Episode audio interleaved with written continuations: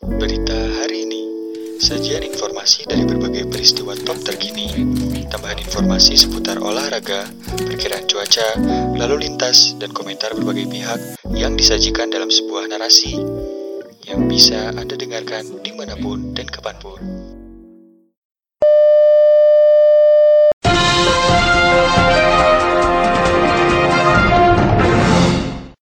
Dikutip dari Merdeka.com, pemerintah Provinsi DKI Jakarta menerbitkan Peraturan Gubernur Nomor 48 Tahun 2020 tentang rasionalisasi penghasilan pegawai negeri sipil dalam rangka penanganan COVID-19.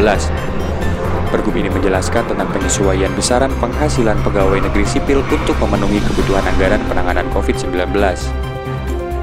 Peraturan itu ditetapkan pada 19 Mei 2020 lalu dan ditandatangani oleh Gubernur DKI Jakarta Anies Baswedan.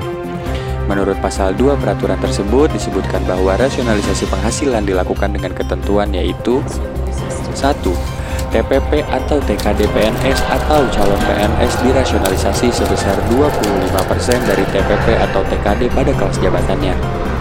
2. Insentif pemungutan pajak daerah dirasionalisasi sebesar 25% dari insentif pemungutan pajak daerah bersih yang diterima.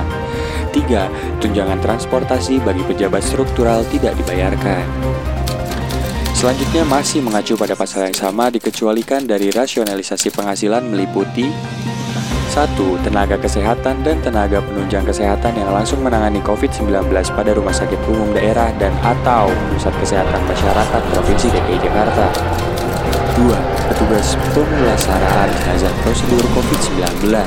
3 petugas pemakaman prosedur COVID-19. 4. Petugas pengelola data informasi epidemiologis COVID-19 dan petugas yang terlibat langsung dalam penanggulangan wabah COVID-19. Menurut pasal 4 peraturan yang sama, jangka waktu rasionalisasi penghasilan tersebut akan dilakukan April 2020 hingga 2020 nanti. Semoga wabah ini cepat berakhir.